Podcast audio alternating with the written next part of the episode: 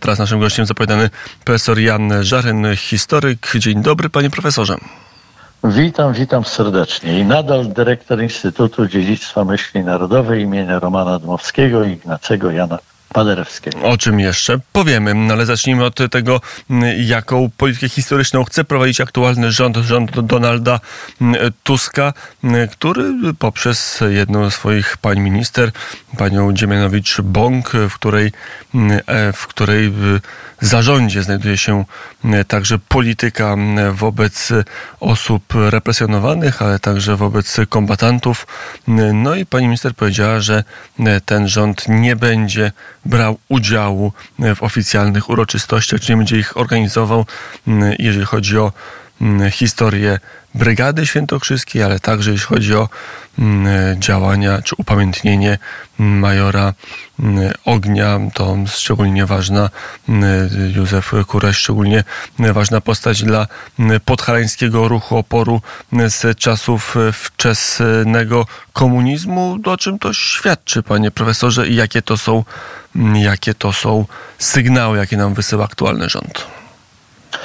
No, sygnały bardzo y, niedobre, nawiązujące do takiej polityki salami, którą komuniści stosowali po II wojnie światowej, czyli po plasterku, po plasterku odrywamy różne y, pamięci historyczne i dzielimy po nowemu, kto jest y, bohaterem pozytywnym, a kto negatywnym, tak żeby ostatecznie tylko żołnierze Armii Ludowej pozostali jako ci godni upamiętniania.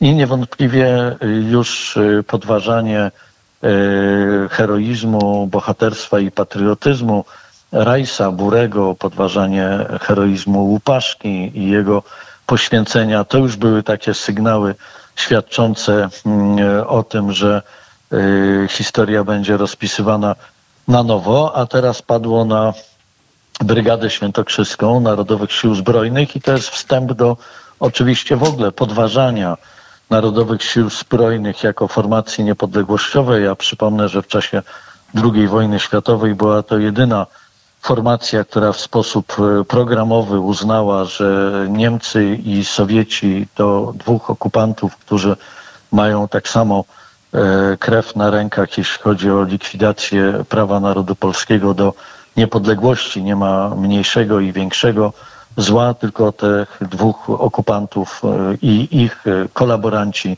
to e, rzecz jasna siły antypolskie i rzeczywiście partyzantka NSZ-u w związku z tym walczyła zarówno z Niemcami, jak i z komunistyczną partyzantką okresu II wojny światowej. No a ponieważ tylko jeden z tych okupantów pozostał, w związku z tym sowiecki ta sfera działań została wzmocniona w ostatnich miesiącach e, wojny i e, już po II wojnie światowej. Brygada Świętokrzyska, jak wiadomo, wyszła e, na rozkaz swojego dowództwa, czyli generała Zygmunta Broniewskiego z kraju, by odnaleźć się przy generale Andersie, bo liczono na to, że to z tamtej strony, z zachodu przyjdzie możliwość zdobycia niepodległości.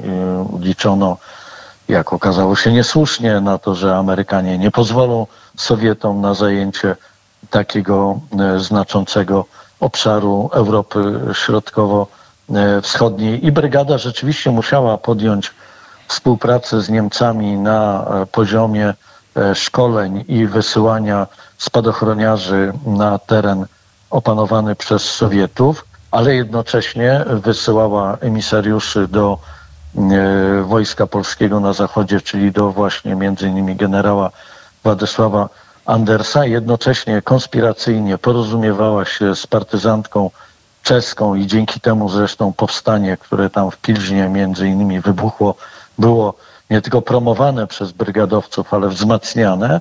No i ostatecznie, e, jak wiadomo, na początku maja 1945 roku brygada świętokrzyska ku zaskoczeniu załogi niemieckiego obozu koncentracyjnego w Holiszowie, wyzwoliła te ponad tysiąc e, kobiet. E, wśród e, nich było ponad 200 Żydówek, które były przeznaczone do eksterminacji, zostały uratowane.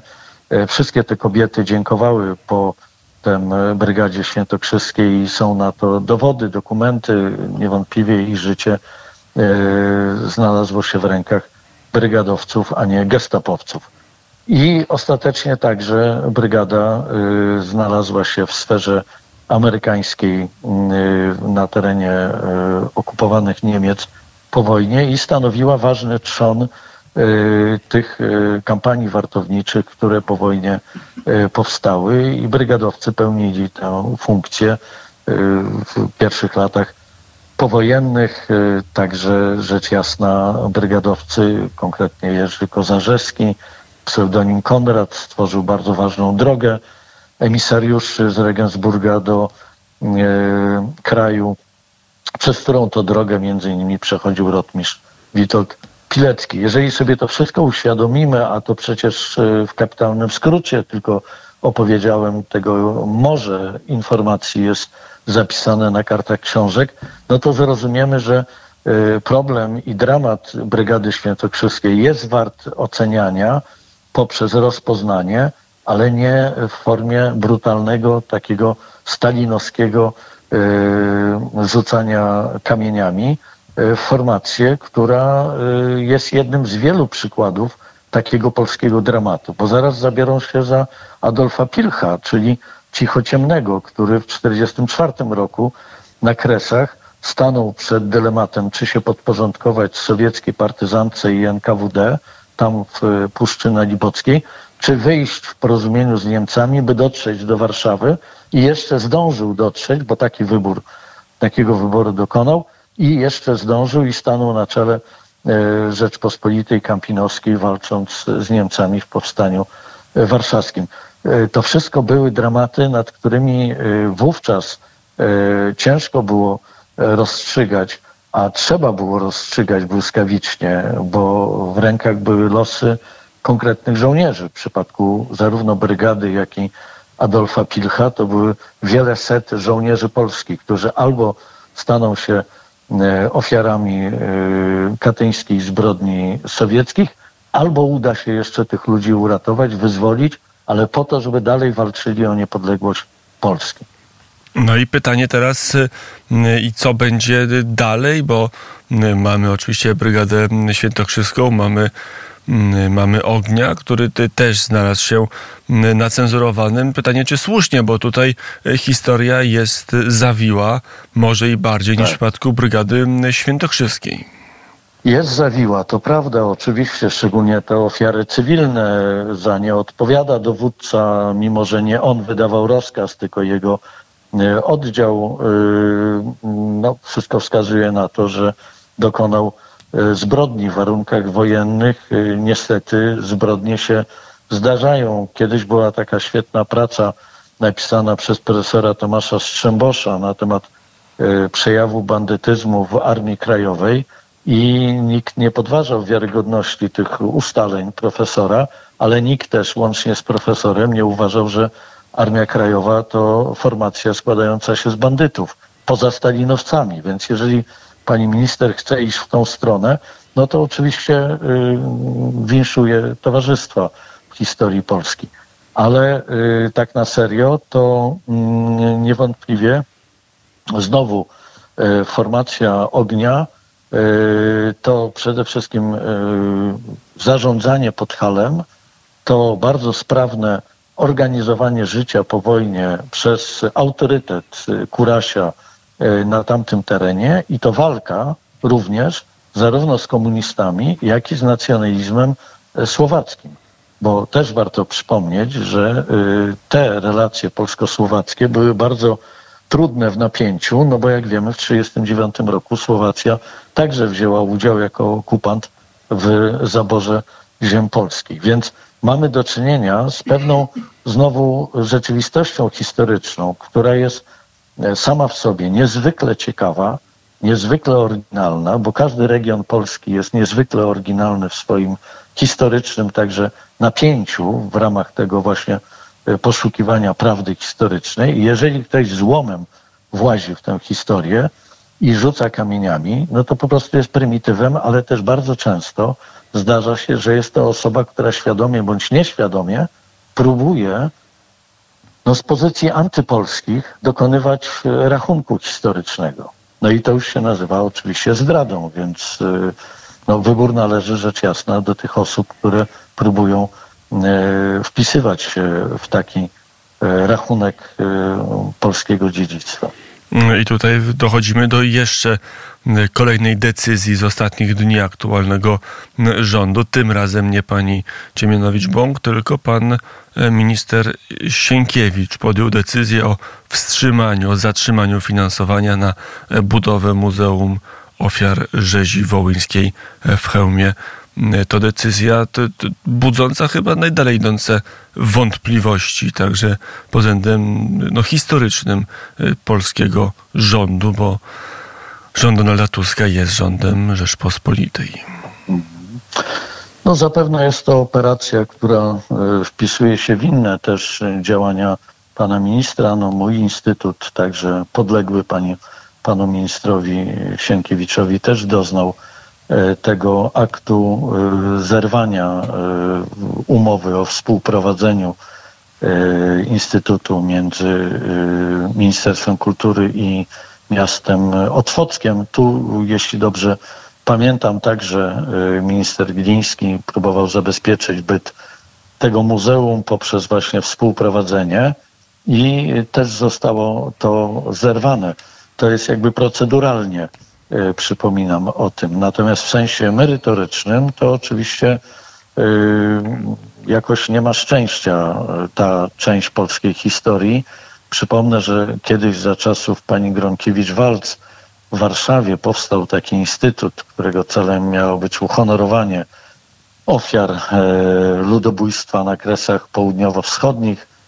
Bardzo znacząca postać, pan Robert Wyszyński był tego dyrektorem, który do dzisiaj zresztą upomina się o także należną pamięć dla, dla ofiar tego ludobójstwa. No i wydawało się, że za rządów Zjednoczonej Prawicy, mm, choć przecież i w tym kręgu e, także byli zwolennicy i przeciwnicy e, takiego twardego odnoszenia się do tej części naszego dziedzictwa historycznego, wygrała ostatecznie ta koncepcja, by jednak ludobójstwo nazywać ludobójstwem. Sam też w tym uczestniczyłem jako razem z Michałem Dworczykiem współautor e, specjalnej uchwały z 2016 roku, najpierw Senatu, potem Sejmu, właśnie po raz pierwszy nazywającej ludobójstwo ludobójstwem, więc y, udało się y, jakby w pamięci zbiorowej Polaków uhonorować y, te ofiary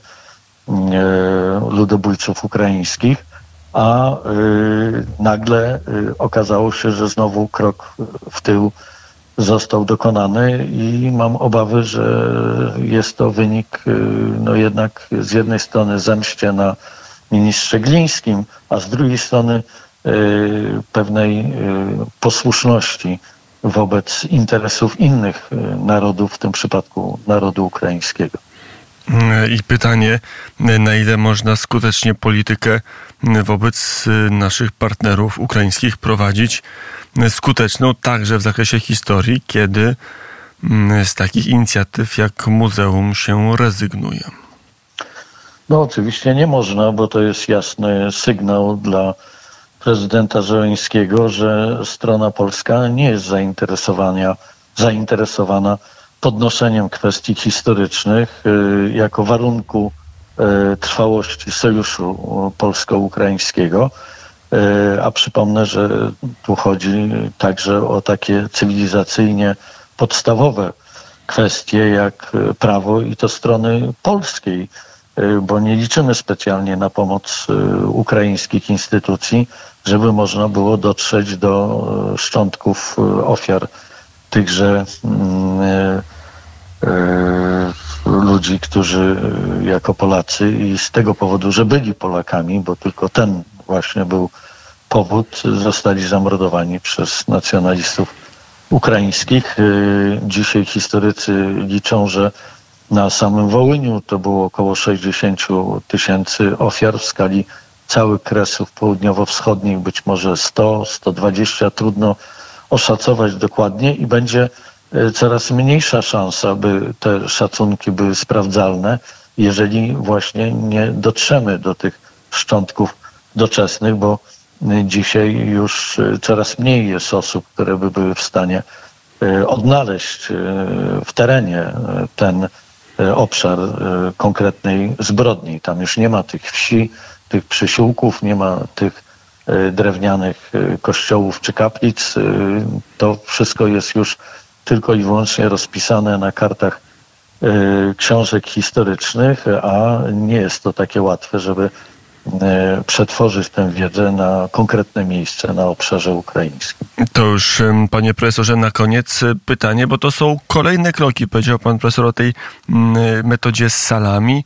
Naszym gościem, przypomnę, profesor Jan Żaryn, historyk, e, cały czas dyrektor Instytutu Myśli Narodowej imienia Romana Adamskiego i Ignacego Paderewskiego.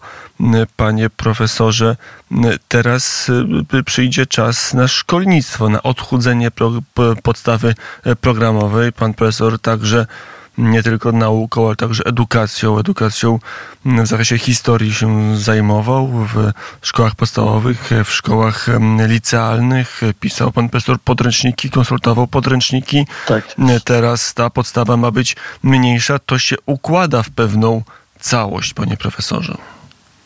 Tak, to jest oczywiście długie, osobne temat rozmowy, panie redaktorze, ale powiem tylko, że e, do dzisiaj można było wnosić swoje uwagi na stronę ministerstwa. E, zarówno moja małżonka Małgorzata Żaren, jak i ja, żeśmy skorzystali z tego e, prawa i przesłaliśmy swoje uwagi, co oznacza, że przeczytaliśmy tę podstawę zarówno dla szkół podstawowych, jak i ponadpodstawowych, także e, wersja podstawowa i rozszerzona. I niewątpliwie uwag bardzo dużo e, mieliśmy, e, w tym zdecydowanie krytycznych. No i to się układa z pewną logikę. To znaczy, pierwsza rzecz, którą warto podkreślać, to jest ewidentnie kwestia tożsamościowa. To znaczy, nie ma mm, takich danych, które by potwierdzały, że celem e, kształcenia poprzez historię jest wychowywanie patriotów polskich. I to jest moim zdaniem zarzut najważniejszy. Dzieci i młodzież e, ma nie być uczona w duchu patriotyzmu i to oczywiście wymaga bardzo daleko idących dowodów, ale my te e, dowody, ja te dowody odnajduję w tej podstawie programowej. Między innymi mm, w kwestiach tożsamościowych zwrócę uwagę tylko na trzy takie aspekty. Pierwszy to jest pominianie e, roli Kościoła katolickiego i katolicyzmu w budowaniu tożsamości narodu polskiego. Nie ma Kościoła w I Rzeczpospolitej, nie ma Interreksa, nie ma e, w gruncie rzeczy e, podnoszenia kwestii katolicyzmu jako w XIX wieku e, formacji moralnej, intelektualnej i narodowościowej, która e, buduje naród bez państwa w warunkach XIX-wiecznych, kiedy narody nowoczesne są formowane za pomocą instrumentu państwowego. My się formujemy jako naród nowoczesny w dużej mierze za pomocą religijności. I o tym mówią także zaborcy. Polak katolik to nie jest formuła polskiego nacjonalizmu, tylko to jest formuła ułożona przez rusyfikatorów, którzy tak widzą Polaków. Polskość to znaczy katolicyzm. Tak samo Niemcy widzą polskość w kategoriach katolicyzmu. I mają rację. Zwalczyć polskość to znaczy zwalczyć katolicyzm w polskości. I o tym w ogóle nie ma w tym y, projekcie podstawy programowej. Wszelkie sygnały, które by o tym świadczyły, są ewidentnie wykreślane. Także ważny aspekt to jest y, niewątpliwie y, takie, y, taka próba ucieczki od polskości na kresach. Polacy młodzi, wychowywani mają nie mieć świadomości, że kresy, ziemie zabrane niegdyś przez zaborcę, przede wszystkim rzecz jasna rosyjskiego, to są także y, ziemie dziedzictwa polskiego. I to jest także bardzo przykre. Też oczywiście trzecia kwestia to ucieczka od pokazywania postaci. Skreślono bardzo dużo nazwisk osób, które poprzez swoją postawę tworzą obraz polskości. I tu wracam do tego patriotyzmu.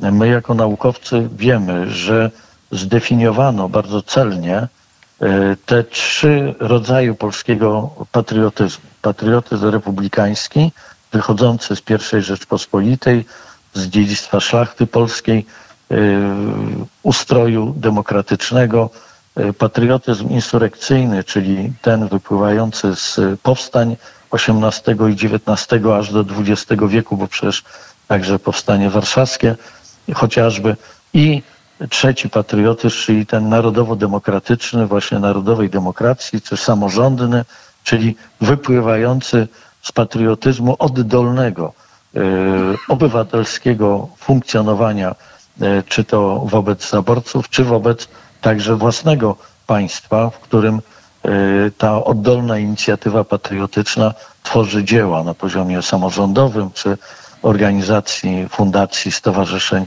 itd. Tak to wszystko jest niezwykłym polskim dziedzictwem, te trzy polskie patriotyzmy i w ogóle tego młodzież ma nie zrozumieć, nie widzieć, nie mieć zaczepienia w postaciach, które są uosobieniem tego fenomenu polskości.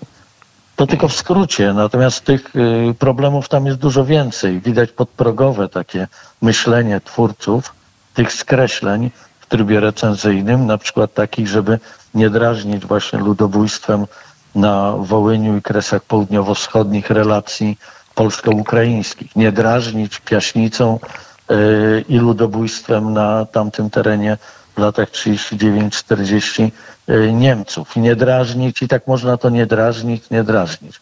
Yy, to bardzo przykre z punktu widzenia budowania polskiej tożsamości.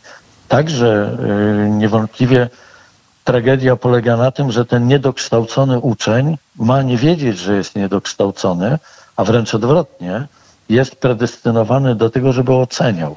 Ja tam próbowałem w pewnym momencie liczyć, ile razy w podstawie jest słowo uczeń ocenia. Bez, bez przerwy. Uczeń ma prawo oceniać, ale nie ma obowiązku wiedzieć. No to jak z tego ma powstać ktokolwiek, kto by się miał nazywać świadomym Polakiem. I to jest podsumowanie wstępu do długiej dyskusji o tym, jak będzie wyglądać edukacja w Polsce pod rządami pani minister Barbary Nowackiej, ale także szerszej koalicji centro-lewicowej w Polsce, o czym mówił profesor Jan Żaryn, historyk, dyrektor Instytutu Myśli Narodowej. Pytanie, jak długo? Bo jest taka y- gazeta, która odlicza dni do momentu, kiedy pana profesora się wyrzuci. Tak.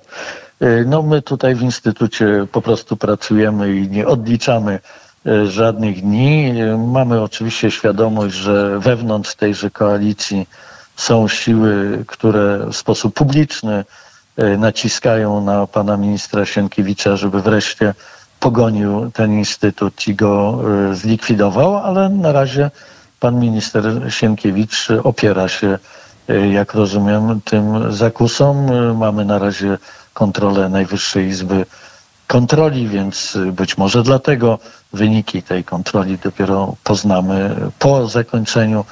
Mamy oczywiście także inne przyjemności, które się toczą równolegle jakieś sprawdzenia prokuratorskie, jakieś tego typu e, działania, to niewątpliwie zasługa właśnie tych miłośników naszego Instytutu, którzy ujawniali się e, w zeszłym e, roku i w latach poprzednich, no a dzisiaj stanowią ważny trzon koalicji rządzącej. Myślę, że także są inne trzony wewnątrz tej koalicji, które są z kolei dużo bardziej rozsądne i rozumieją, że e, taki instytut, e, który promuje e, konserwatywno-narodowe, chrześcijańskie nasze korzenie jest nadal potrzebny. Zobaczymy, kto wygra.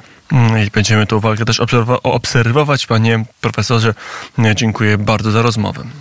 Dziękuję bardzo.